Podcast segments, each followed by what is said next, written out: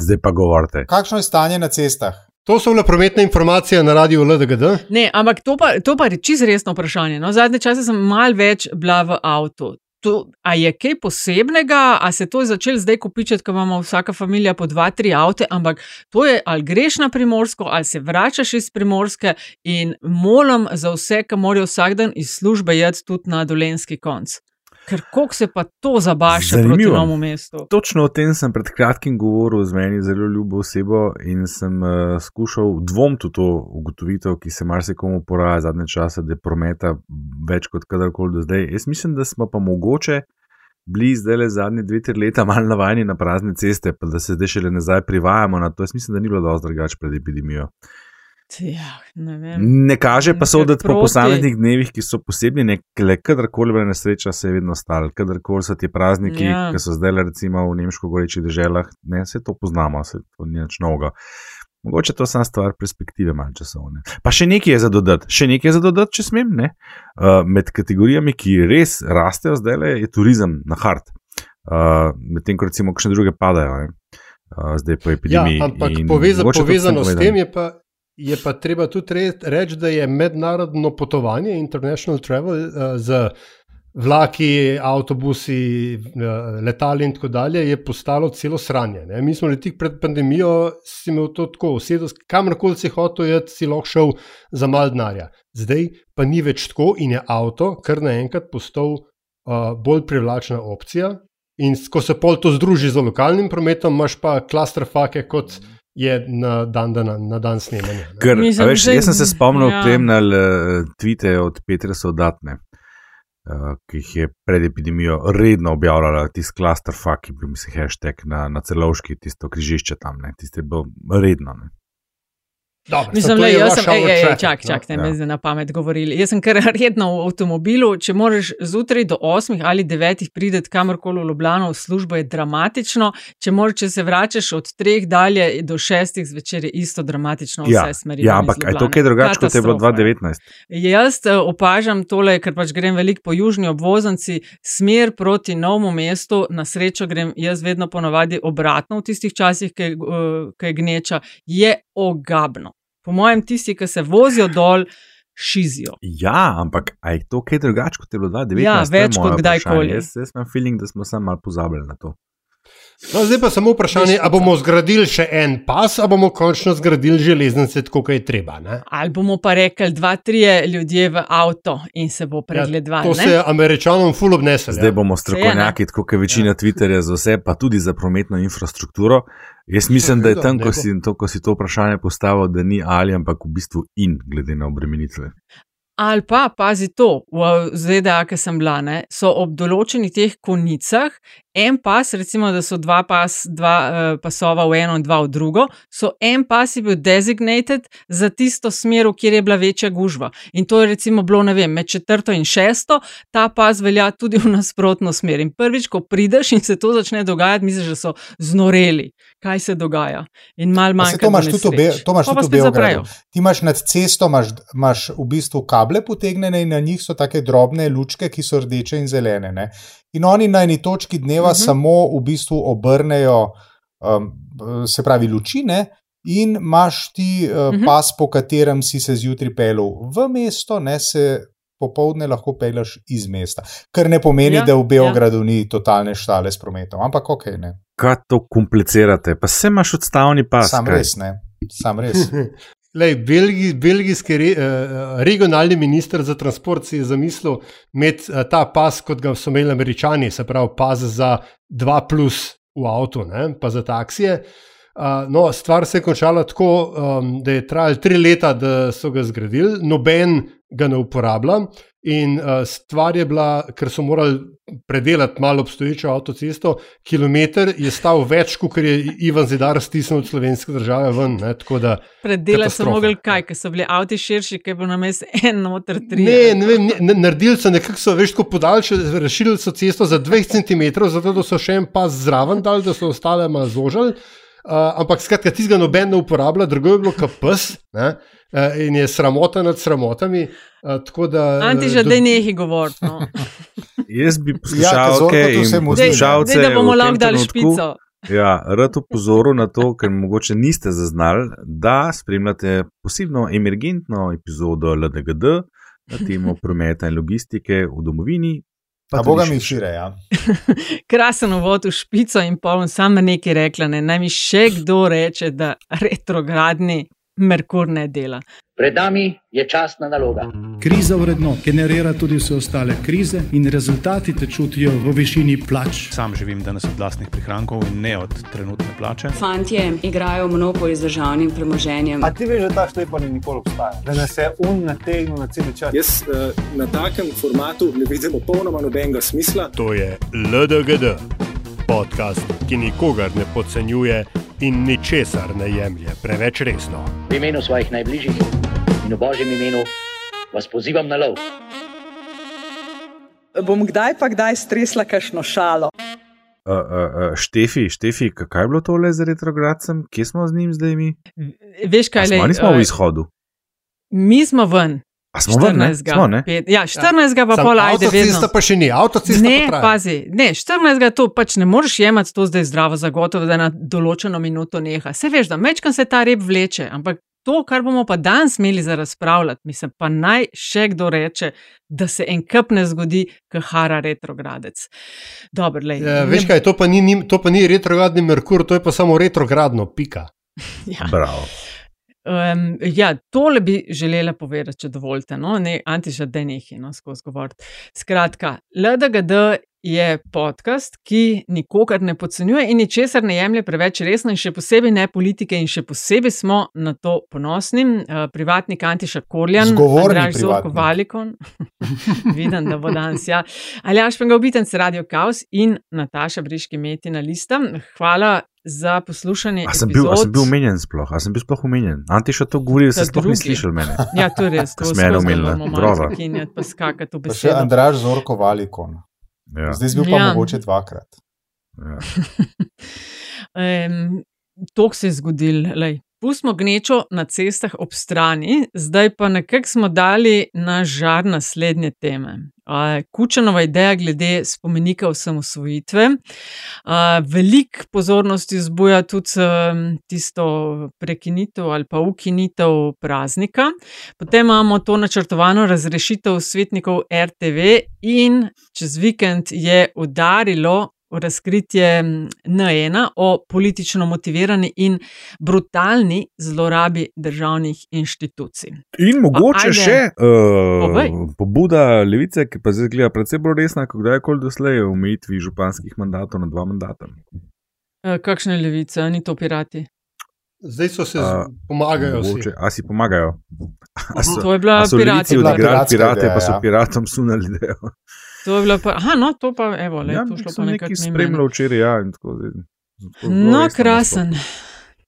Ja, no, ajde, gremo z. Uh, se pravi, v zadnjih nekaj dneh uh, nekdani predsednik Kučan je predlagal, da bi se postavil jaz več ne, prav težko preštevam vse spomenike, kaj želimo postavljati, pa kaj ne. Um, potem je vlada na dopisni seji sklenila, da 17. maja ne bomo več obeleževali nacionalnega dneva spomina na žrtve komunističnega nasilja. A je še kaj v tem paketu? To so, še... to so res tako, um, vse te obe temi, ki si jih zdaj naštela. Um, f, uh, tako se mi za zdi. Za prihodnost države. Za prihodnost države, za recimo prihodnost naših penzij ali pa službe za naše otroke, se kar same od mm -hmm. sebe delajo, razen une, ki bojo pač v, v, v, v ustreznih poklicih za spomenike delati, ne, ali, pa, mm -hmm. ali pa za razglašati praznike in jih potem spet anulirati. Uh, tako mm -hmm. da mhm. jaz mislim, da so to. Uh, Res visoko, visoko uh, prioritetne teme morajo biti v vsake, vsaki normalni državi. A je to tako, mislim, ne, a je to tako, seveda odgovore poznam, ampak eh, obratno so razmerno s pomenom za prihodnost, za zdravje države. Ma, Največ jaz, se. Ja, a, povej, no, veš, kaj, mislim, meni se ena, jaz sem bogat s primerjavami včasih. Meni se to zdi tako, ne. Uh, ko poslušamo te razprave, kot bi recimo gledali uh, smočarsko tekmo, na kateri smočajo še zmeraj z 20 dolgimi smočkami. Uh, Mm. Uh, se pravi, ali pa uh, gledamo, gledamo košarkarsko tekmo, kjer, kjer proste mete izvajajo, kot smo včasih rekli, na jajca, se pravi od spodaj, z rokami med koleni, pa gor vrže žogo. Mm -hmm. Tok približno se mi zdi to moderno, uh, ta tema moderna. Ne? Mislim. Uh, In mislim, da ni to čisto nič drugega, se pravi to, da eni malo razglašajo ene praznike, eni jih pa potem malo ukinjajo in tako naprej. To se mi zdi približno tako moderno, kot gledati take, uh, take prenose. Mm. No. Pa Golmani, so, pa, pa Golmani s kapo na glavi, kot so bili leta 25, verjetno. Ne. Jaz večkrat predstavljal sem se kučena na 2,10 metra dolgih delov. Ne, a veste, jaz to zelo resno govorim. Ne. Če pa se pogovarjamo o pobudi uh, za uh, spomenik o samosvojitvi, jaz mislim, da si ga zaslužimo, ampak ne, jaz tukaj obstoječega spomenika revoluciji ne bi niti premikal. Kaj bi jaz naredil? Zdaj, uh, sem, mojstri smo tudi med nami za urejanje mestne krajine. Ne? Jaz bi enostavno. Ureditve s podarkom tako, na parkovnih tako, ureditvah. Tako, jaz bi naredil park, in to se ne hecam, park slovenske državnosti. Ne? In bi ob spomenik bi postavil še enega, ki bi obeleževal, ki bi ob državnem zboru, parlamentu obeleževal um, osamosvojitev. Zato, ker osamosvojitev je bila, uh, in tukaj ne govorim o kvalitativni oceni, ampak samo v časovnem kontinuumu. Je stvar, ki je sledila revoluciji in pač 45 letom enega režima, in bi imel lepo, bi imel od grobnice narodnih herojev za parlamentom, bi imel potem spomenik revoluciji, in potem bi imel še spomenik osamosvojitvi, in potem bi imel naprej tisti trg z Novo Ljubljansko banko in iskreno, kot smo rekli, včasih spo, uh, stolpnico, ki tudi funkcionirata, kot vemo, uh, že od načrtov naprej kot nek spomenik slovenski. Uh, reku, uh, politični in gospodarski moči. Ne? Ta se pravi mm -hmm. trikotnik med državnim zborom oziroma skupščino nekoč Iskro in Ljubljansko banko, vse to se danes imenuje dru, razli, drugače, ne? ampak pač imamo mi lepo tukaj na tej, se pravi, od Šubičeve do tam na uno stran do Erjavčeve, imamo lepo park slovenske državnosti in ne, ne pokopavamo. Ma že kar orang. Uh... Oronk razdeljeno idejo imaš, Antiša. Ma, ma ja, seveda, zaradi tega, si kar razmišljaš. Ne samo promet. Ne, seveda sem, seveda sem razmišljal, ne, zaradi tega, ker se mi, ker se mi to, um, kar sem mislim, da tukaj že uh, kakšenkrat tudi omenil, ker se mi to, a veste, da se politika uh, zvede na to, da uh, uh, razbijamo tisto, kar so prejšnji naredili, in potem ta naslednji razbijajo to, kar smo mi naredili, mislim, to se mi zdi brez veze. Tako da, mm. dajmo neko kontinuiteto tukaj vzpostaviti, in uh, se pa v resnici, ne, se mi zdi pa pomembno, da bi se z bistveno drugačnimi stvarmi ukvarjali, in ena od njih mm -hmm. je mhm. recimo vprašanje osnovnega družbenega konsenza, kam sploh hočemo iti, ker mi to nimamo pojma. Zato se pa ukvarjamo, zato se pa ukvarjamo z žrtvami komunizma iz, uh, izpred 70 let in več. Ne? No, tle je treba nekaj dodati. Oprosti, sam, sam, sam dopolnil bi sam toliko prosti, ker se družbenega konsenza tiče Antiša, Ni res. Osnovni družbeni konsens obstaja, kaj smo iti, danes hočejo iti vsi na primorsko. Recimo, ne. Recimo. Mislim, jaz se absolutno strinjam tukaj z Antišo glede uh, spomenikov. Uh, mislim, da je vsako nadaljne ukvarjanje z njimi, posebno odveč, vsak spomenik v neki fazi uh, postane um, živ spomenik neumnosti, kot so pel pankrti in bi moral ostati tam, ker je bil, če ne druga, kot opomnik kako je bilo včasih, pa naj se ne ponovi v tem smislu. Ne. Tole šetanje maršala gore dole se mi zdi res, res, res velika nebuloza. Uh, se pa ne strinjam s tem, kar si na koncu rekel, ne, da se ukvarjamo 70 let, še 70 let po tem s komunističnim nasiljem. Uh, tle prihaja do ene res hude relativizacije, ki jo zaznavam tudi na Twitterju. Um, vsega znanja polna in vseh uh, veščin um, spretna. Jasmina je danes napisala, da Eh, da v vojni so pač eh, žrtve in da to ne moramo šteti zdaj kot žrtve komunističnega nasilja. Jaz mislim, da imamo v tej državi velik problem s tem, da nikoli ni bilo priznano, da se po koncu vojne tukaj dogajali velik, velik svineri in to so absolutno žrtve komunističnega nasilja, od povojnih pobojev, roko na srce, živimo v državi, ki je eno veliko grobišče. Eh, do um, razlastninjen, do um, zapiranj procesov, in tako naprej. In tako naprej.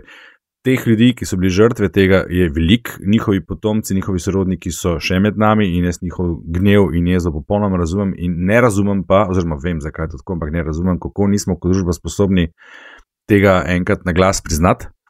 Uh, in s tem upraviti. Jaz mislim, da pa tle le prehajamo pa že v polje, komu zdaj to koristi. Tako kot sem tudi včeraj začel razmišljati, ne, komu zdaj koristi to, da je vlada na tak način, ne, torej na dopisni seji, tako le mi gre zvečer, skenslele nekaj, kar so seveda lahko jasno pričakovali, kakšno reakcijo bo povzročilo in jo tudi je, ampak spet ne, mogoče bi pa ravno to namenjeno. Uh, kaj pa, če so celo zmenjeni med sabo, kaj pa jaz vem, ne, glavnem. Um, A veš, mislim, da gaslighting gre lahko tudi res v neki Mislim, kot nekdo, ne? ki prihaja skočil. In, in sam to bi hotel nek... povedati. Ja. Mislim, ja, vse smo imeli, vse, vse je bilo po, po, po osamosvojitvi, pa so tam postavili uh, obeležje in tako naprej. Ampak, veš, nikoli nihče ni na glas tega rekel in priznal in se opravičil tem ljudem. In ne na zadnje, je bemo mater, a jim lahko končno vrnete tiste slike, ki visijo po vaših stanovanjih. Ja, sej, uh, samo uh, Nataša, Andraš, absolutno se strinjam. Jaz upam, da moja intervencija ni spadla kot da relativiziram to, kar se je dogajalo po vojni. Daleč od tega. Um, jaz bi spomnil, da sem bil, pa verjetno se sam edini tega spomnim, ampak bom vse. Je, je, jaz absolutno nisem videl problema v recimo um, spomeniku v Parku Zvezda, ki ga je takrat kot predsednik republike zelo podpiral Borod Pahor. Mislim, da je te stvari treba narediti. Se pravi, da je treba um, priznati, da so se ene stvari dogajale in jih čez čas ne relativizirati. Tisto, kar se meni zdi problematično, je to, in sem absolutno proti kakršnemu koli zamolčevanju in predvsem relativiziranju z današnje distance. Tisto, kar, tisto, kar um, se jaz rad problematiziram, je to, da se očitno nimamo, uh, ne vidimo rešitve za druge probleme, zato se pač zatekamo v to, um, za kar smo tudi iz izkušenj globoko prepričani, da bo v javnosti zbudilo eh, vtis, da nekaj delamo in velja za ene in za druge. Mm, ker točno tako je. Ne? Najlažje je jahati na teh vprašanjih, Seveda. zato da se nam ni treba težjih vprašanj lotevati. Ne? Mislim, kot nekdo, ki prihaja iz Kočevskega, predvsem imam tukaj v mislih po vojne poboje, se mi je zdela, zdaj nastop uh, gospoda Župana Prebiliča, se mi je zdela ena boljših stvari, ker pri nas, naši konci, so grozljive stvari so se dogajale en kup je jam, kjer so ljudi na zverinske načine pobijali. Ampak zdaj. Zakaj bi tega, to nam lahko nas je sram tega, kar se je zgodilo, ni pa po mojem rešitev, da se to zamolči. Ja, dogajale so se te stvari, so del naše zgodovine, so na unem koncu, greš, pokažeš, poveš in poskušaš delati v smeri vem, reševanja. V smeri uh, enega uh, spomina na žrtve in uh, nikoli več in podobnega. Ne. Kar sem se jaz ob teh, kar se ob teh, kje spomeniki, kdo na spomenikih sprašujem, je naslednje. Stara sem 49 let. Ampak ne zgledaš, več ne zgledaš. Moje odraslo življenje Mar... na eni eh, eni in isti stari prci z enimi in istimi zadevami, medtem ko nas prihodnost po levi, desni in umestni šiša. Sprašvala sem, ali bom jaz kdaj, kdaj doživela, da se bo to jebkanje končalo in se bodo s temi stvarmi ukvarjali ljudje, ki so strokovnjaki na teh področjih, eh, ne vem, zgodovinari in tako dalje. Ne. Zadnjih 30 let je sam to. Imeli smo to, dokler nismo postavili spomenika vsem žrtvam, žrtvam vseh vojn, to je to, kar je na kongresnem. Ne? A se spomnite, koliko let je bilo, pa a so kosti prav pobrane iz kje, a bo kakšne dimenzije bo spomenik, kaj vse bo zajeto, do tistega verza, a je prav napisan in kjer vers naj bo gor in tako dalje. Ne. Sprašujem se pa pri, tej, pri tem, kar so tik pred, oziroma nacionalni dan sklenili, da se ne bo več obeleževal na 17. maj, kaj smo čakali 30 let, tudi ta vlada, ki ga je uh, za praznik postavljena. Uh, in uh, zakaj niso skratka tega že prej naredili, zakaj mora biti to zdaj spet nov poligon uh, jebanja med vem, naši in vaši. Pa zakaj so to naredili? Po tistem, jaz bi prepovedala vse podobne poteze, ko zgubiš na volitvah, si tam samo še, da se odšteva čas, da pride nova vlada. Ja, glej, a, zdaj, um, klej je več stvari. A, to, kar je Andraš izpostavil, je do neke mere res. Tisti, kjer se jaz ne bi strinjal, je s tem, da se nikoli ni nihče upravičil. in da, da se o tem, pač, da je to še vedno neka tabu tema. Mislim, da ne. ne. Prvič je že v, na kaj že spravni slovesnosti. V rogu, ne, v začetku 90-ih, ki sta bila Načkov Šuštar in takratni predsednik Kučan, to je bil že prvi to vrsten akt. Ne. Pa se strinjam, da ni bil dovoljšen in, in, in ta, ta opravičila in, in, in priznanja in, in, in uh, uh, pozivi k temu, da ne, se mi kot narod s tem sprijaznimo, če hočeš, ne, je uh, skozi obstaje. Uh, ne vem, če vi veste, v, v 90-ih je obstajala celo neka finančna schema za povračilo žrt, žrtvam povojnih, um, kaj so to, političnih zapornikov in tako dalje. Skratka, tukaj, veš, scheme so. Vsakič, ko se zgodi neko simbolno dejanje, to, kar je Nataša rekla, se najde nekdo, ki reče: A, a ni dost, še tole, pa še tole, pa še tole. Ne? In ta 17, 17. maj, uh, ki ga je Janša vlada tik pred, pred njim predala žezlo, uh, sprejela na, uh, uh, kot ne, se pravi uh, vlada za tekoče posle, spada v ta, pa še tole, pa še tole kategorijo. Um, namreč zakaj? Vprašanje je dvojno. Ali obstajalo komunistično nasilje? Ne samo po vojni, tudi med vojno. Odgovor mislim, da lahko rečemo, da ja. Po vsem tem, kar vemo, tu, tukaj ni dvom. Vprašanje pa je, a je 17. maj pravilni praznik. Zdaj, obeležitev, ker niti ni praznik, ne, ker je kaj komemoracija. 17. maja 42 se je zgodil po vsem tem, kar danes vemo, vojni zločin. Uh, izvedla ga je partizanska uh, kaj, brigada uh, nad dvema roms, številnima romskima družinama in štirimi slovenci. To na strani Nove Slovenske zaveze piše, in jaz, ne zdaj cinik kot sem, bom rekel, da če ne bi bilo štirih slovencov zraven, 17. maj ne bi bil tak problem. Drugo, drugo, kar je, komunistična partija je prevzela primat nad, nad uh, uh, osvobodilno vojno leta 1943.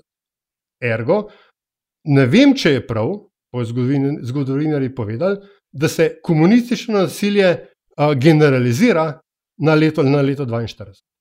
Dolomitska izjava je bila kasneje. In jaz, po vsem tem, kar se je v zadnjih 30 letih dogajalo, ne morem mimo suma, da je ta sklep Janša vlade ni bil namenjen a, a, a, spominu na žrtve komunističnega nasilja, ampak da je bil namenjen temu, da se celoten partizanski boj, tudi tisti, ki, ki je ne, nesporen, a, a, zaznamuje z. Uh, nekim madežem uh, političnega nasilja. In potem, eh, če pa se vrnemo zdaj na, na Antišov, um, pač um, poskus, pristopa k, poskus pristopa k osnutku rešitve, ne?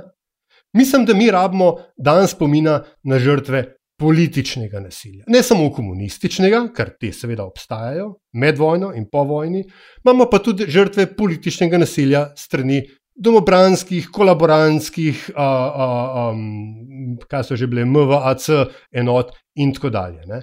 En kup ljudi je med vojno uh, uh, nasrkal zato, ker so verjeli v nekaj nasprotnega, kot, kot tisti, ki jim je držal. Le mešamo dve zadevi, lepo vas prosim. No, jaz se tle absolutno strinjam s preomenjeno smijo, ker vojna je vojna. Pač ne, ne, ne, ne, ne, ne, ne, prosim, ne, ne, ne, tam šel, tam šel. Za stvari, ki se zgodijo med vojno, se ne moreš, ne. Ampak jaz govorim o dogodkih po vojni. Gle, op, ampak, ta, ampak dan 17. maj se je, je pač naslavlja dogodek med vojno. Do, do tega sem še hotel prijeti, ne, kako so oni to sprejeli in zakaj. Ne, to je on pa nekaj drugega rekel, no, no prosim, sem to. Na, viš, kam so Lej. nas pripeljali? Kam so ja. nas pripeljali, pa noben starejši od par 50 ja. plus. Točno pa še kar jebanje, kdo je iz kje streljal, pa ima kvadratna ali okrogo spomenik. Ne, ampak ja. še nekaj. No. Uh, moj konstruktivni predlog, sorry, vem, da sem dolg. Konstruktivni predlog pa je, da ta vlada uh, ki je ukinila uh, praznik, ki je bil mimo grede sprejet z uredbo vlade in ne za spremembo zakona, ne, uh, da popravi zakon o praznikih in prostih dnevih in noter upiše kot proper praznik dan spomina na žrtve političnega nasilja in da se pa zgodovine razmenijo, kjer dan bi to bil. Okay, že vnaprej vemo, da se ne bo zgodilo nič. V aktualni ja. trenutek, ne, da ne bomo zdaj res šli zgodovinarje, da se danes poznamo res na veliko področji, vidim, začenši ja. s prometom. Uh, jaz tega glavno težavo v resnici vidim z današnje perspektive gledano na način, kako se je ta vlada tega lotila. Uh, namreč to vse drži, kar je laž povedal. Ne. To je res malo čudno bilo. Ne. Vlada, ki, ki upravlja tekoče posle, sprejme tak v bistvu zelo pomemben sklep, ne? ker očitno določenemu delu populacije to nekaj, oziroma zelo veliko pomeni. Ne? Tega ne more bolj vlada s takočimi, ki pravijo, tekoče posle, spred, izbire datum in tako naprej. Ampak ta vlada ne, je pa zdaj naredila natanko isto. Um, ker spet ne vem, kaj je to, ne? je to namenoma, ne? uh, nočem biti le nek zarotnik, ne? zato da, da spodbudi. Takšno reakcijo, kot jo zdaj doživlja, da lahko zdaj se, mislim, kar se danes pa včeraj bere na Twitterju, je grozljivo. Uh, in se sprašujem, ali je to nekdo namenoma naredil, ker, ker je še bolj grozen, ali je to sam posledica ne, amaterske nerodnosti, štoravosti ali kako koli že, kar se pač često dogaja vladam, ki jih vodijo novo ustanovljene stranke.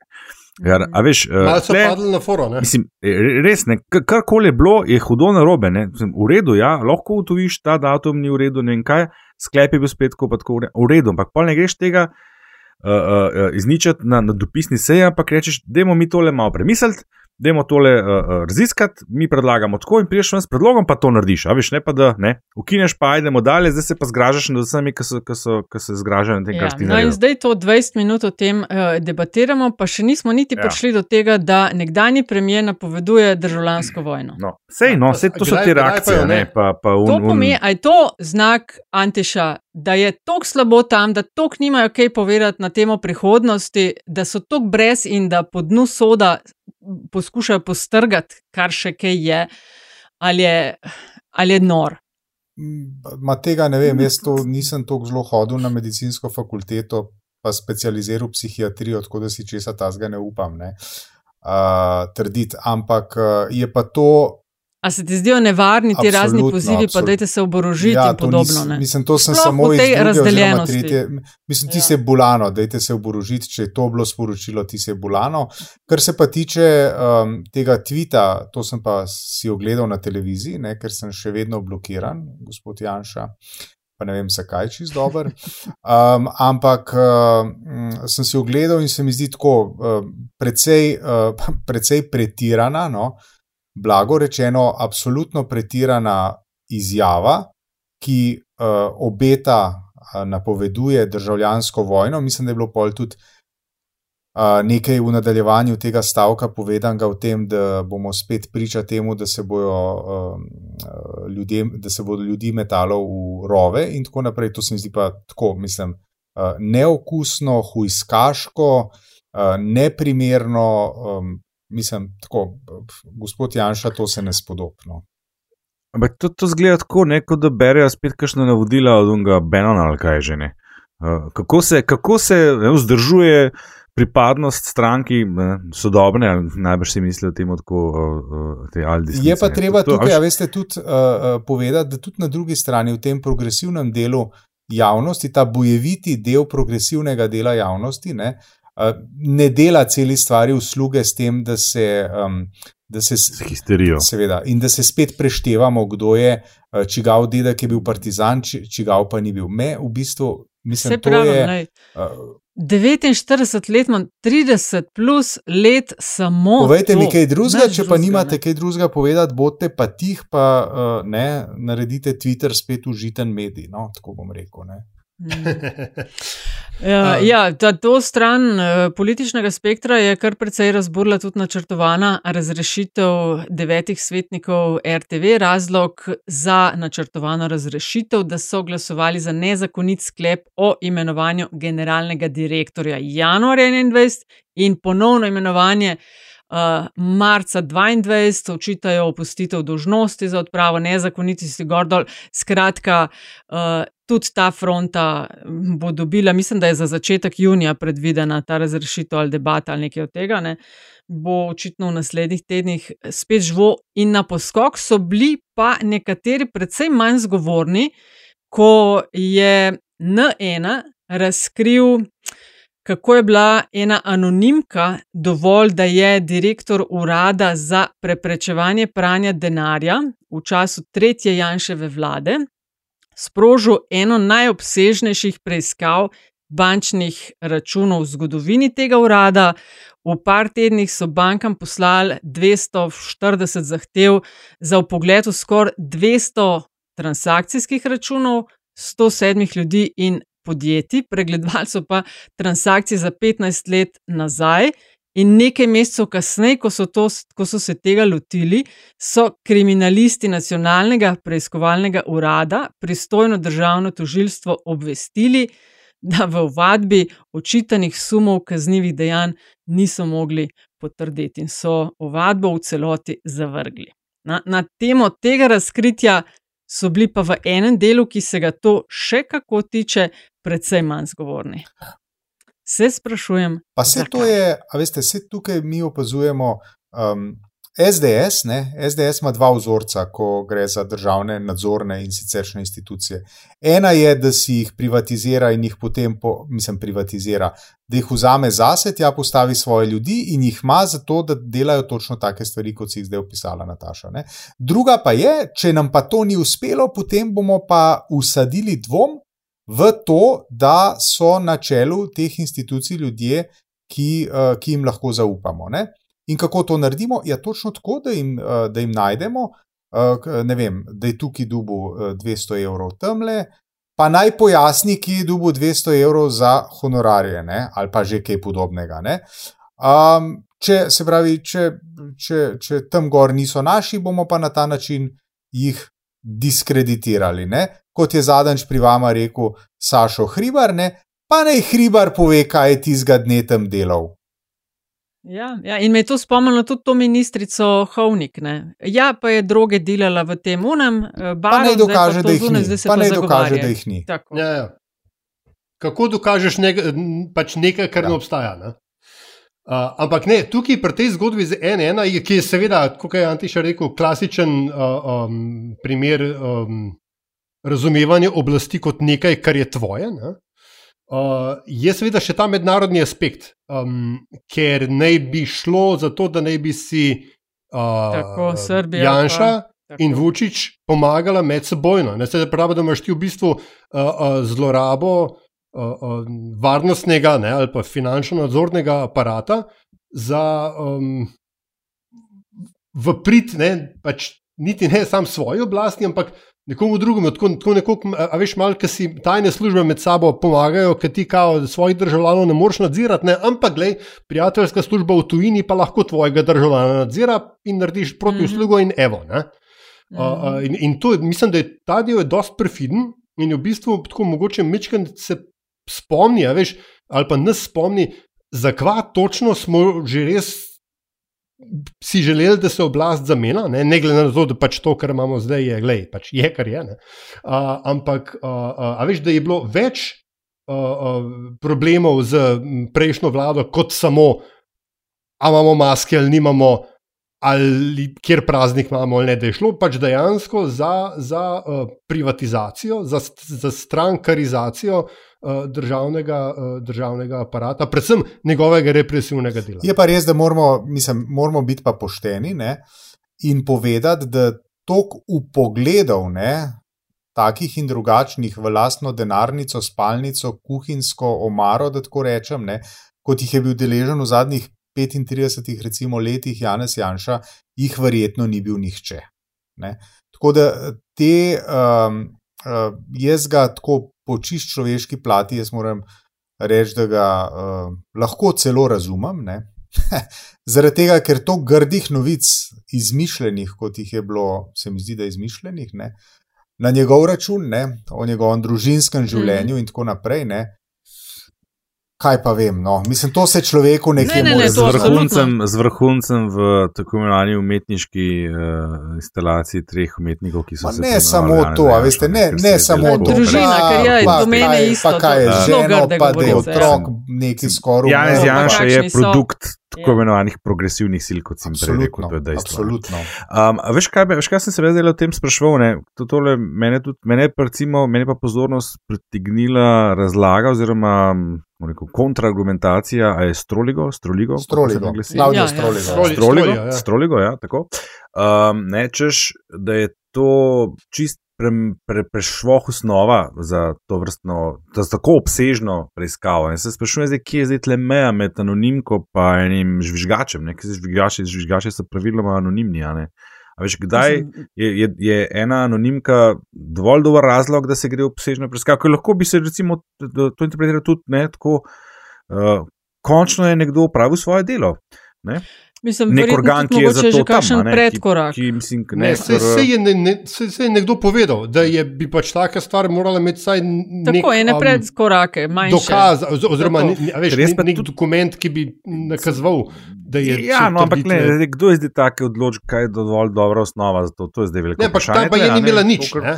Ja, neka anonimka je bila, ki je nekaj namigovala. Ja, mislim, na veš, eni strani pa pol. Z eni tudi- strani pa pol Ja, za kaj, a kje- 15 a je- let a je v nazaj za kakšnem 100 redu, ljudi. A v kakšnem pravilniku piše, da mora biti tri Ja, strani mislim, ali kaj ne? Se Piše, da vsaj ne. kakšen dokaz. A Ja. veš, kaj boš zdaj ti nekaj Ampak, napisal, ne, da una če- prodaja droge, zdaj bomo pa pre pregledali 100 Ja. bančnih No, se računov. pravi, ne, to je zdaj vprašanje, kdaj in kdo je tisti, ki odloči, kdaj je neka anonimka dovolj kredibilna in, in, in kdaj ne, ne. To si lahko zdaj vsak po svoje interpretira, tle ni nobenih eh, nepravilnih zakonov, ni nič. Ne. Druga stvar je pa, um, zadeva v resnici ni bila zelo, zelo zlorabljena. a ne. Uh, ker se, ne, kot so pa na koncu zapisali, niso nič ugotovili, ampak nihče tega res ni zlorabil in tudi nihče ni teh podatkov, ki- v katere so imeli pogled, na tak ali pa drugačen način uporabil oziroma zlorabil proti tem ljudem. Čak, čak, čak, čak, čak, čak, Čak, pa Zdaj- ja. zdaj- Zdaj pa tole mečkam bolj razlož, kako se ti to predstavljaš. Ja, mislim, a, a- mi kaj vemo o dohodkih eh, teh ljudi, ki so jih preiskovali? Za- Zakaj bi Se pa morali vedeti? ne, se to, ne, Ja, se, ne, se, bi pa? se ne, se zelo, ker ne vemo, se to hočem povedati. Ne, se, kaj pa, Ne, sej ne, oprosti, ampak že samo dejstvo, Ja. da je državni aparat to sem pa. pogledal na pod... Ja, pa seveda se imamo organe za to, da preiskujejo take stvari, če imajo razlog za to. Govorimo samo še o Ja, tem, pa potem, njim, glej, kdaj je razlog dovolj dober, kdo je tisti, ki o tem odloča, kdaj, kdaj si en lahko vzame to pravico in reče, to je dovolj dobra anonimka, da, kdaj pa ne. No, in to na, na, ta, na Ali to smo spet pri naši, domnev- vaši, a veš, Ne, ne, nam je to dovoljeno, vam pa ne. domnevam, Ti bodo odgovorili kriminalisti in tožilstvo, ki, kot razumem, zdaj v nasprotni smeri preiskujejo sum kaznivega dejanja zlorabe javnega položaja, uradnega položaja. Da, Mislim, in da- če se bo ugotovilo, da je tam šlo za prekoračitev pooblastil, boš vedel, kje je meja. Preiskovalka Ja, je v zvezi s to- tem že to je vprašanje, ustanovljena. to je ključna stvar, ne. To bodo. To bodo. Ja, mislim, SDS je rekel, na zlorabe opozarjajo tisti, ki zlorabljajo. Ne bom Samo to, rekel, na kaj jaz, me spomni. jaz to. bi imel v osnovi imam problem že s tem, da pač ima nek državni organ že s tako ali tako, uh, za tako zelo široka pooblastila, da pač lahko šnofa v, v, v uh, privatne zadeve. Jaz razumem, razumem, da živimo v 21. stoletju in tako dalje, ne? ampak zato mora biti ta nadzor, mora biti. Toliko večji. In koliko, če, če, če jaz razumem, zdaj malo po spominu brskam, mislim, da je bil zakon o preprečevanju pranja denarja tudi spremenjen, ravno zato, da, se, da je ta nadzor se zmanjšal. Ne? Mislim, da ali tudi pod Janšo vlado, čeprav ne me kle za besedo držati. Ampak fora je v tem, da veš, v, v, v, v osnov, v osnovnem modelu parlamentarne demokracije, kjer so človekove pravice a, na vrhuncu piramide, ne, so vsi, vsa taka pooblastila morajo biti prej izjema kot pravilo. In tukaj ne, se pa obnašalo, kot da je pač to nekaj za nakruh namazati, nekaj, kar vsak dan delaš. Ne. Ampak, a draža, ti temu gospodu Stroligu po defaultu ne verjameš, ker to je nekdo, ki ima nekaj izkušenj s tem, pa je rekel, da ne, kaj ne, ne, takega ni nisem jaz videl. dvomil v, njegove, v njegovo presojo. Jaz verjamem, da to, kar je izjavil, da je res. Jaz sem se sam začel spraševati, ne, kaj pa je, oziroma kje pa Kaj je ta rabijo? meja, ne, kaj je v bistvu Aha. tisto, kar je dovolj dobro. Pa on je pač rekel, da to ni dovolj dobro. Se sprašujem, kaj pa je dovolj Mhm. dobro. In lahko navaden smrtnik, ki pride do nekega takega podatka, lahko čisto poneseč pogled. Uh, tole naše glavno mesto je je še kar mehko, ljubko malo mestece in uh, tle se zgodi ne, ne redko, da sediš v kakšnem lokalu in zraven za sosedno mizo sedijo ljudje, ki jih poznaš vsaj po obrazu, če ne po imenu in priimku in uh, klepetajo o stvarih, ki so ne, uh, mogoče niso samo za njihova ošesa ne, in, in min grede, kaj slišiš. Ne, a zdaj, a imam jaz, a je to dovolj dobro osnova, če jaz nekaj tasga slišim, da bo šel nekdo v preiskavo tega ali bo rekel, ja, gospod, dokaz rabite. Jaz, ja, mislim, Ja, sorry, jaz nisem jaz kriminalist, pomagam? nisem policaj, Ja. ja. jaz ne morem dokaza priskrbeti. Ne. Jaz lahko rečem, tam sem Ja. sedel in to sem slišal. Ne, kaj boste zdaj naredili? Boste rekli, ja, gospod, nimate dokaza, ali bo mogoče nekdo rekel, uf, tole bi nam pa otegnilo streza, tole pa niso naši, pa imamo preiskavo. O tem govorim, ker mi še vedno živimo v državi, kjer so, recimo, ne, enega, ne bomo zdaj rekli, koga ne, pred, pred leti obsodili na podlagi uh, uh, obtožbe, da je prejel gotovino od neznanega človeka na neznanem kraju v neznanem času. In so ga potem mogli čez pol leta spustiti iz zapora in odškodnino plačati, ker so ga pač pokrivan zaprli. In kako lahko mi, ne, no, se še ni doboja. In kako, a veš, me kako v takšnem, takšnem sistemu verjeti komorkoli v resnici potem, a ne, Mm. ko interpretira te zakone. Jaz še enkrat res ne dvomim gospoda Stroliga, ampak se sprašujem, kje so meje, pa kdo je tisti, ki odloča. Ker se bojim, nažalost, da tle na koncu pridemo spet do tega, naši, vaši, enkrat je to, nam je dovoljeno, vam pa naj in obratno. Mhm, mhm, In pa, mhm. ko ni, ne, se pa interpretira, ja, to je zloraba, ne. Ne, Ja, ja, kar nam ja. pa ustreza, je pa to, pa je seveda je pa pravni postopek, ne vem kaj se. Gre. Jaz To bojo zdaj pač s v to. preiskovalko vse ugotovili, čisto vse. Pa ta letaman je prišla kot naročena, a ne Antiša, ta oglaševalska akcija SDS, -a. ste opazili? Halo, Ne, ne. Antiša, pridruži Ja, se. ja, ja, ja, ja, To ja, ja. To, sem, to sem pa Seveda opazil. si ja, ja, opazil. to sem opazil. A je Povsod kdo so. poimensko? Aljaš, Andraš, jaz Nataše nisem videla. tako Da, sorry. Ne. Sem videl Ireno, sem videl pa Sonjo. Pa Dominiko, Uh, kup enih imen je, ja, ampak sem se pa sprašval, čemu te in kdo. gor, kdo uh, ne, nisem se še najdel. nočijo. Ne, me, za, zadnje čase me prav ne marajo, ne samo da me nočejo. Aha. Ne vem zakaj. Uh, so, tako lepo kar se mi je govoriš, ne? zdel uh, res nenavadno, da so pa korošce, eh, korošce nagovarjali servus, ne, Ja, se to ni od tam, zakva. na koroškem. Tako so jih, ki se tam nagovarjajo. Ne? Servus je štajerska, sevinska, koroška pač ne. Ja, ne. pa tudi tam se. a ne? jaz ser, jaz servus na koroškem še nisem slišal, ne. Sorry. A res? Ja. Ne vem, lahko pa da se družim z druge vrstami korošci, kaj pa jaz vem. Prosim, da Korošcev. vsi naši poslušalci na Koroškem povejo, ali je servus um, je ne? uh, naslavljanje ali ne. ne. Res vem, je to Hmm. štajerska, spodnja, zgornja, leva, desna, Aha. koroška pač ne. Ali lahko pa da se motim, Zame je pa vrsti izdel. No, zanimivo.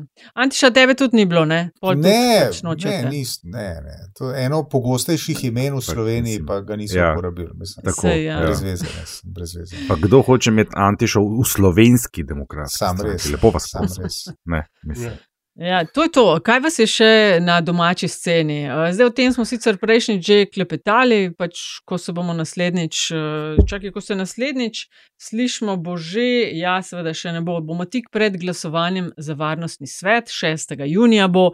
Slovenija 129 glasov potrebuje, ampak ajde, o tom potom bomo mogoče kakšno v naslednji, Recimo, ne? ja. rekli. Ja. Kaj vas je? Vas je še kaj? Uh, Andraš, ti vem, vem, da si v cajtnotu, ne? Boš mogoče celo mogel laufati. Uh, ne, jaz sem v dobrobit domovine uh, ustal do konca. Aha, boš. Ja, no, vidim, pol da je pa tole kaj si v, pomembna zadnjih epizoda. dveh tednih? Uh, če se ne motim, ena, tri, ena. Škoda, Ja, da ni a- ena, a ima tri, tri. kdo, bi pa eh, bi kdo želel kakšno misel podeliti na temo načrtovane razrešitve svetnikov? Um, Ja, s tem ali smo smo začeli, to ja. tudi S tem nimamo smo kaj začeli. dosti. Ja, s tem Ja. smo začeli. Pač devet uh, svetnikov, povedala sem, kaj so razlogi, aktualno vodstvo RTV, programski svet, nadzorni, uredništva, ki so več ali manj, uh, vsaj vodstva, kadri blizu eni politični opciji. Uh, Kričijo, da naj bi bilo nezakonito, um, nekako jih je manj skrbela, A. Nezakonita nastavitev Watmoja, pa B. Nezakonita razrešitev Goršaka, pa C. Kar je tudi omenil Hribar v Metinem čaju, posnetek eh, železničarja, kako se oni en dan prej dobijo, pa Pa se vse zmenijo. ja.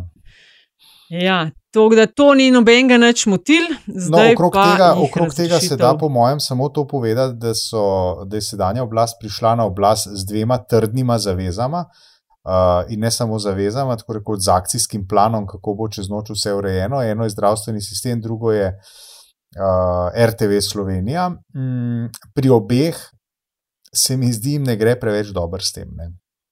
Uh, tukaj, je, tukaj je, se mi zdi, politična neizkušenost in politična naivnost trčila ob dobro, uh, dobro organiziran politični uh, sistem, ne, se pravi, uh, danes opozicijski, ne, ki seveda uh, ne. Uh, Kot bi kdo verjetno rekel, nagaja na vsakem koraku. bo pa to, če ne mara, pa že je, ne, zelo slabo, če se bo to končalo z reševanjem z letavimi rešitvami, kot včasih so. E, To bo nedvomno na sodiščih pristalo. Vprašanje je samo, kaj se da narediti, ko imaš opravka z nasprotnikom, ki ne igra po nobenih pravilih, ki laže, manipulira, zavlačuje in ne da tudi uh, Fiddler's Fart na rezultate referenduma. Sam, Nataša, Ampak, eh, Nataša, ti vem, zdaj, vem, vem, ne, vse Ne, a vem, ti kaj sem ni- rekla. a Ti zdaj njim učitaš Ne, ne, ne, ne, ne. profesionalnost. Mm, Ja, sej, Mislim, ne, profi eh, so, sorry, profi so, to je pač politika, vse smo vsi gledali House of Mislim, Cards. a ne? niso profi, sam jih noben ne sooči, ampak pustijo delati, kar delajo. Ja, ampak sem ne reči, da so A, oni nezakonito- krivi, zato ker so bolj spretni. mislim- Oni so bolj spretni Ja, tem. no, a ne? mislim, bolj spretni, politika. ja. Veš kaj je? Jaz bi na tej točki citiral um, znan slovenski podcast, eh, ki ima štiri črke v imenu. Mislim, da so imeli um, epizodo tam in kol novembra, takrat, ko je bil referendum, pa je šel čez. Ne? Uh, ko smo namreč omenili, ko smo se točno o tem pogovarjali, ne? ali ne bi bilo lažje, da bi že kar takoj zamenjal svetnike, pa pač je bi ga. ne. Um, in smo prišli do tega, da je to nuklearna opcija, ki jo ima vlada lahko še vedno v rezervi, in da bo pa pač svinsko, če pridejo do tega, v sm- svinsko v smislu, da bo pač to mesi, ne, da, da, da ni to čista opcija, da pa je to nekaj, kar lahko naredijo, če vse ostalo propade. Ne. Mi smo zdaj na točki, ko je vse ostalo tik na tem, da propade. Zakon so sprejeli, zakon so sprejeli hiter, mešuje čez vse ovire, referendum, pa um, vse obstrukcije in tako dalje. In je pač se na ustavnem sodišču zataknil, ker je zdaj na, na ustavnem je zdaj ta taka izjemna, izjemna situacija, kjer ni večine za zavrniti zakon. Se pravi, ni te večine, da bi rekli, da je zakon neustaven, ker so pa, res, ker so pa zakon zadržali, pa zdaj tudi ni večine za to, da bi, razglas, da bi umaknili zadržanje zakona, da bi šel lahko v veljavo do končne, do končne uh, odločitve. Ne? In je dejansko, hm, jaz se ne spomnim, da bi tako situacijo imeli. In je zakon zdaj v limbu na ustavnem sodišču, v nekih vicah uh, ustavno-pravnih, in vladi ne preostane drugega, če hoče na RTV-ju kaj narediti, kot da poseže po tej nuklearni opciji. Jaz sem tako, mečken mi je. Ti, veš, kaj pa mene, kaj pa mene, danes sem očitno res mal devil's advocate, lele, um, preseneča.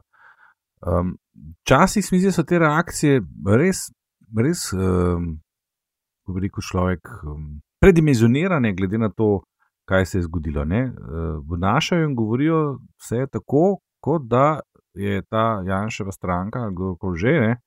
Eh, Prevzela RTV, ne? v resnici so se sam zrinili not, ne? oni niso prevzeli tega zavoda, niso, niso ga na glavo postavili. Ne? Ta, ta RTV ima že predtem velike, velike izzive, če se milo izrazimo.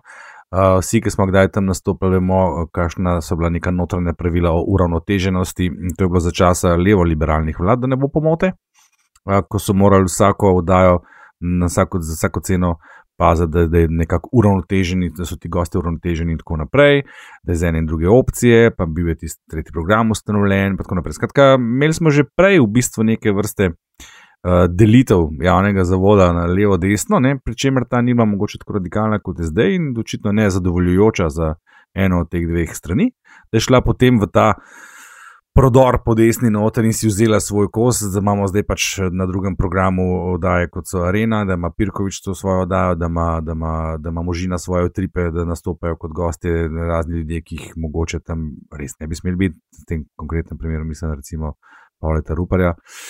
Uh, in tako naprej, ne? ampak uh, po drugi strani ne, smo zdaj dobili v bistvu samo malo bolj radikalno uravnoteženo RTV, ker uravnoteževali so jo že prej, ne? zdaj je na drug način uravnotežena. Ne rečem, seveda, da je to dobro, daleč od tega, mislim, da je to katastrofa.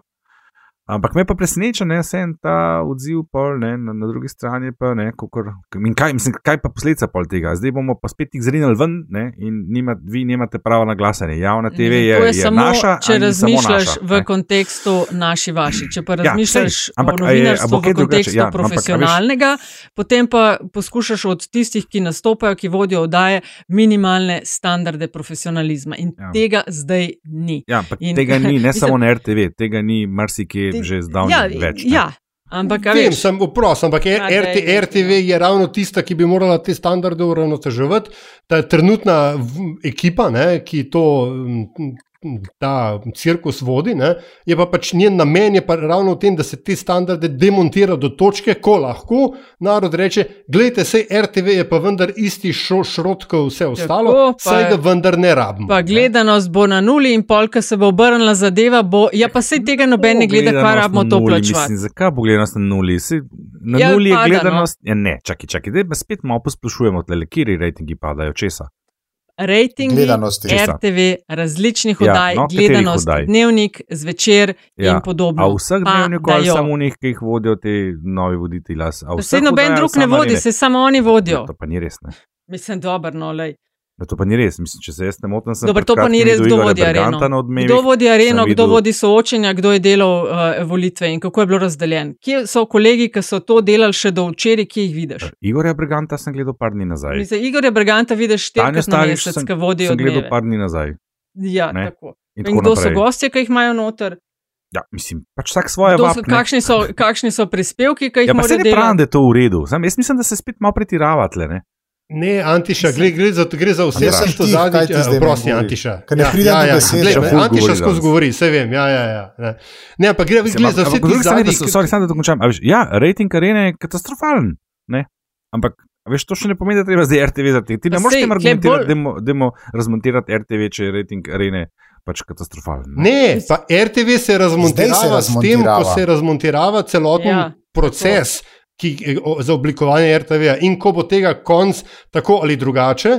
Ne, bo, veš, tisto, kar bo ostalo na pogorišču, bojo potem ti isti ljudje, ki ga danes razšraufavajo, ne, ki, ki, ki nimajo uredniških sestankov, ki ne določajo a, a, uredniških prioritet, ki se ne odzivajo na, na a, a, in, interese gledalcev, ki hočejo ukiniti dopisništva, ki trdijo, da pač ne vem, je ta ali on je ne vem, ruski agent.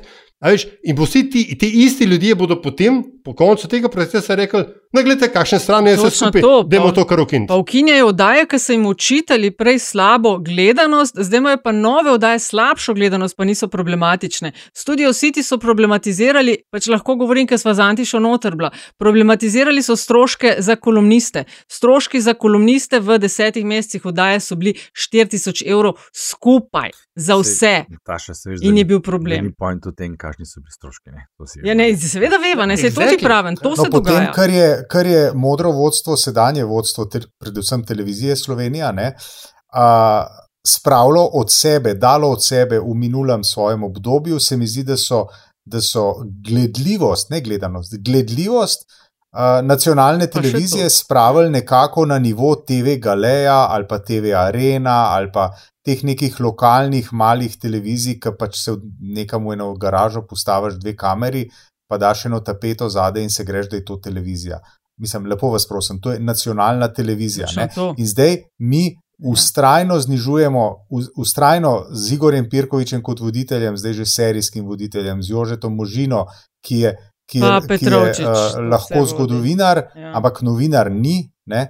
In tako naprej, in tako naprej, ne, se znižujejo standardi Ja. neskončno. Mislim, lepo vas prosim, a to je televizija, dajte Ja, nehati. No. Pa vse vsi imamo svoje stališče, vsi smo ideološki nekje, ne? ampak obstajajo pa osnovne manire, kako se ta posel dela, ne glede na to, kdo, kera politična no, in opcija ti tukaj je nam bližje. pa malo zmanjka. Ne? Ja. Ne malo. A gremo mi naprej, ker smo No, mi to, da- 54 to, minut. To, da je ta del, uh, uh, um, ta tabor, kako, je- kako se že reče, podkapacitiran, kakšen izraz je že tisti? Podhranjen. Ja, najbrž hvala. Ja. Uh, kadrovsko na različnih področjih to vemo, ne? vse to, to opazujemo že dlje časa. Ne? Posledično Ja, pa so kaj, a je to pol v redu, Ne, ni, se, se nisem rekel, da je v redu.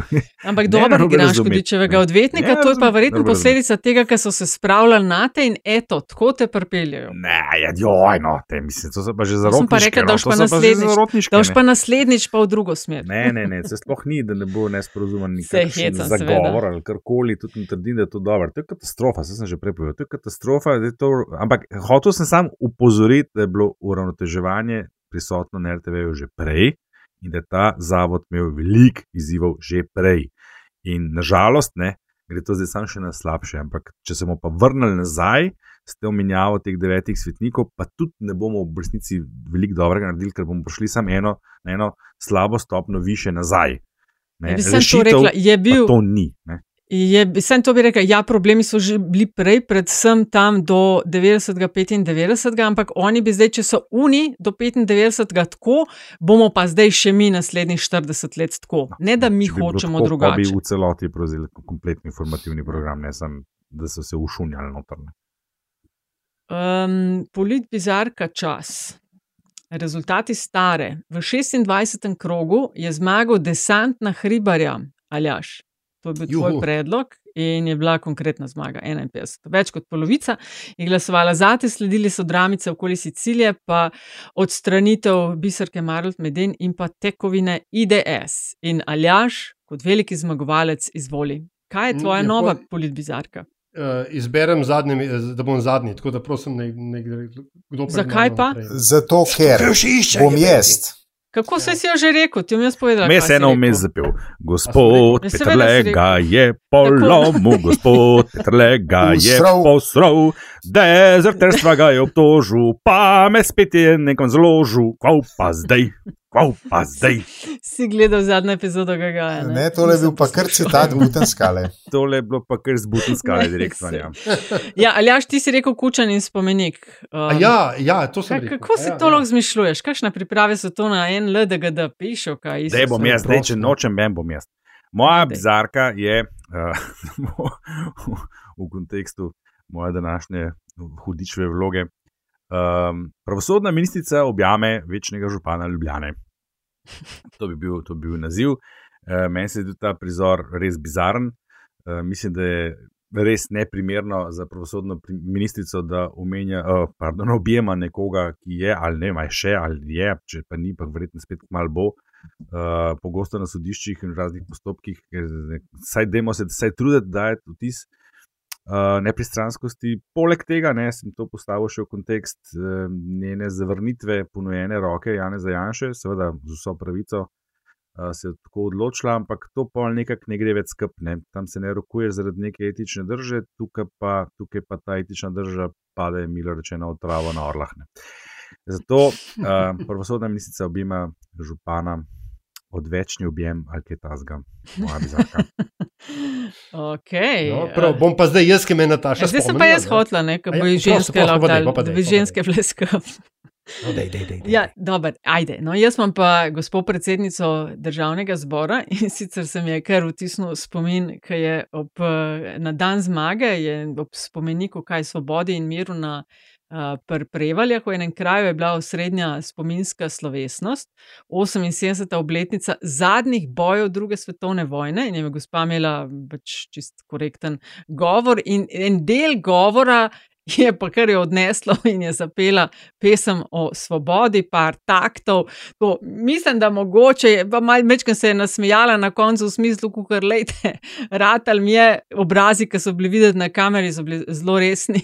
Sem se spomnila, Antiša, če se spomniš, si v lanski sezoni LDGD je enkrat nominiral tisto neko tmurno proslavo o ribanskih Ja. gozdovih, Ja, ajmo rukice. ja, se A spomnim, se ja. spomniš? No, tako nekako, ajmo rukice. Ja, gospa predsednica si je očitno zmeri želela nastopati v muziklih. a Veste, to je tisto, kar se malo pogovarjaš, pa, pa sred, sred stavka začneš pa pet, ne? pa, pa poješ dve minuti, poveš, Ja, kar imaš za povedati, to. pa, pa spet govoriš. Ne? Pa, pa, pa, pa spet Ja. govoriš, ja, tako, se, mogoče manjka le ena presoja glede spodobnosti, ampak so smiselnosti, da se en delček pa mečkan zapoje. No. A sem zdaj jaz na vrsti? Ja. Ne vem, ali imaš ti kakšen spomenik v igri? Ne, nimam spomenika. No, pa pa dej. Uh, jaz bom pa za bizarko predlagal. Ne? Niti ne tega, da so si predlagali, mislim, da za 50 odstotkov zvišanje plače vodilni na SDH-ju. Ampak to, kako hitro so ugotovili, da je bila to um, kar precejšna zmota, ne? in so eh, se posuli s pepelom, eh, spustili v šeska dol in povešenih pogledov rekli, pa v bistvu, pa se v bistvu mi ne rabimo tako visoke plače. Bomo, Mi ne bom, a rabimo bomo tako od visoke prihrankov plače. živeli. Ja, bomo tistih 12 ur, Ja, pa se bo ja. morali zadostovati. Mislim, država je v taki malo. situaciji, da ne bomo silili, da bi imeli 18. No, tako. Ne? Se pravi, mislim, če ti presodiš, da si zaslužiš svojim delom 18 urjev, pa če greš na nadzorni svet, pa ti nadzorni svet to, o, o, o, kako se reče, odobri, potem ustrajaj na svojem. Ne, ne pa tako, kot oni, ali pa kot pred časom uh, Urška Klahočar Zupančič, ki je šla v štirih dneh najprej z avionom, pa pa z avtom. Mislim, če si misliš, da je prav, da greš z avionom, peče drugič. Tukaj je pa enako. Če misliš, da je utemeljeno, da imaš toliko višjo plačo, pol pri njej ustrajaj. Ne pa zdaj neki, mislim. Ja, ja. Ma, Ker s jajčan, tem v bistvu veze. točno to, ne? s tem demantiraš samega sebe. Da ne rečem. Ja, ja, seveda. Ne. Antiša, ti sam ne razumeš, v resnici gre zdaj že za prihranke. Ja, v bistvu, ja, tako ja. Tako. Zdaj Oni so, zdaj, oni so znižali so plače in so prehranili full denar. Oni bodo zdaj Ja. ja. nažirali vse. Uh, zdaj sem se pa spomnila, kaj bi lahko moji bizarki bilo naslov. Moje pesmi, moje sanje. ker Sanje. Evo, vidiš, bravo. To, bravo. Je tudi musical. musical. Tako, vse se je za to. Uh, Ampak izvoli, je- Aljaš, zdaj pa sam navali. Ja, hvala. Uh, Drugač, pri moje pesmi, moje sanje se vedno spomnim unga, unga gifa, ki Julie Andrews se vrti okoli, Ja. Je nekdo uzija namontiral v roke in pol strela na oko. A, jaz pa uno, kaj je vlastan Usdorfer. No, anyway, um, ja, moja bizarka, hvala Nataša, ker si me spomnila, ker seveda sem vmes pozabil. Um, danes že večkrat omenjeni um, predsednik, uh, ki mislim, da nikoli ni bil na 210 cm dolgih dilcah, uh, Milan Kučan uh, in njegova ideja o spomeniku samostojnosti in neodvisnosti, uh, ki je nekako uh, se spremenila v Kučanovo idejo o nadomestitvi spomenika revolucije z spomenikom samostojnosti in neodvisnosti. Ne? Čeprav, uh, kot je moja detaljna preiskava potem pokazala, uh, Milan Kučan tega nikoli ni rekel. Ne, in je pustil vprašanje spomenika revoluciji zelo kučenovsko, ga je pustil odprto. Ampak, uh, ker uh, v Sloveniji radi vemo, kaj drugi mislijo, ne da bi drugi to povedali, uh, je nekdo pač to interpretiral kot kučanje za, za, za nadomestitev spomenika, in od tam naprej je šlo vse v kurac. Uh, tako da to je moja bizarka. Hm, krasna. Um, zadnjih 30 pa je torej lahko jaz? zadnjih, lahko, lahko. To je zadnjih 30 sekund, ki jih ima vsak, da pove, kar želi. Antiša, kaj tebe tišči? uh, tišči me nič, ne? Bi pa v rubriki toplo priporočal v poslušanje Štefico in kolego Aljaža, ne? ki sta, uh, kaj, mislim, da je bilo ta teden, Ja. v podcast Met in Čaj povabila Sašota Hribarja, ki je povedal nekatere stvari, za katere tudi sam močno mislim, da jih je treba povedati. Čestitam Sašotu, čestitam Nataši in čestitam Aljažu in vsem ostalim priporočam v poslušanje. Uh, Sašo se pogosto smeji, se pogosto zajebava, se upravičujem za ta izraz, ampak v podtonu so pa stvari zelo resne in on jih zelo resno tudi pove in jih velja tudi resno jemati. Skratka, njegov poziv k temu, da nehajmo s tem, da so določene stvari svete ali pa prepovedane v tej družbi, uh, se mi zdi zlata vreden, tako da toplo priporočam v poslušanje. Ja, hvala, Antiša. Ne? Veseljem. Andraš, kaj pa Ja. boš ti delil? Uh, RTV ni samo informativni program, RTV je tudi marsikaj drugega in ena od teh stvari so seveda filmi.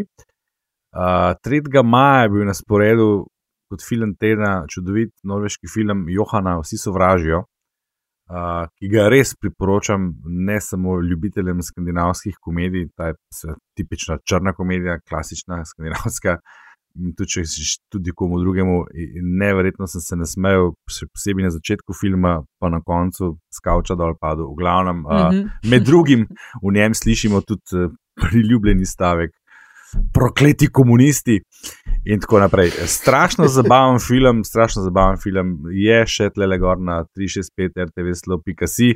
Oglejte si ga, jaz nekaj časa držijo te stvari, te stvari v arhivu. Oglejte En si ga čim prej, se ne vem, zdi. 3. 5. je bilo, se pravi, zdaj že dva tedna je gor. Dajte si tole pogledati, ne bom žal. Ja, Lušen, krasen predlog in Aljaš. No, ker ste že Andraž glih omenil uh, Skandinavijo, uh, priporočam podcast, serijo podkastov uh, z naslovom How to Invent a Country, uh, ki nastaja v produkciji uh, BBC-a Radio 4, uh, vodi ga njihov novinar Miša Gleni. Uh, in ravno zdaj poslušam um, dele o um, izumljanju Skandinavije in se zato navezuje na tudi na Andražovo priporočilo. Ampak uh, vsekakor super zanimivo, mogoče rahlo anglocentrično, ampak uh, zelo, zelo dobro narejeno. Kvaliteta podcasta, za katero bi marsikdo od slovenskih podcasterjev dal desno roko. Um, In, in je enostavno užitek poslušati How to Invent a Country, uh, BBC Radio 4, priporočam. Cool, hvala. Uh, ja, jaz se bom pa v svojem predlogu vrnila na točko, Antiševo točko, ker sem tudi sama želela to predlagati, ravno zaradi, se pravi, Met in Čaj z gostom Sašom Hribarjem, zaradi par odličnih poudarkov. Namreč spodbudilo pa me je, da predlagam to poslušanje, tudi to, na kakšen način so se Sašota lotili v zadnjem mesecu dni. In ne vem, če ste bili pozorni, v zadnjem tednu se je na Nišanu enega dela političnega spektra znašla tudi ena gospodična Nika Podakar, ki je sicer uh, odlična študentka pravne fakultete. Uh, jaz sem z njo sodelovala v par projektih teh naših raznih uh, EU pisarn, razni projekti. Uh, prostovoljka, aktivna, sodeluje pri pravni mreži za varstvo demokracije, kjer je sodelovala v kontekstu tega. Um, vprašanja RTV-ja, in že to je bil dovolj, da so se na gospodično spravili v, v velikem loku. Je tudi v prostem času svetnica GSA v Tržiču, ampak sej želimo, da se ljudje vključujejo, da so aktivni državljani in državljanke v politiko. Je pa v obtožbah, ki letijo na njen na, uh, račun, en kup točno tega, o čemer uh, Sašo Hriber govori. Ne. Vržejo eno govorico ven, se začne valiti in to njihovi lideri, se začne valiti po njihovih medijih in potem na te užge še drhal na družbenih omrežjih. Metin čaj s hriberjem bo, bo marsikakšno stvar pojasnil. Uh, Nika, ti pa drž se. Še kaj bi želeli dodati? Meni se gremo na piknik. Gremo na piknik. Gremo na piknik. Gremo na piknik.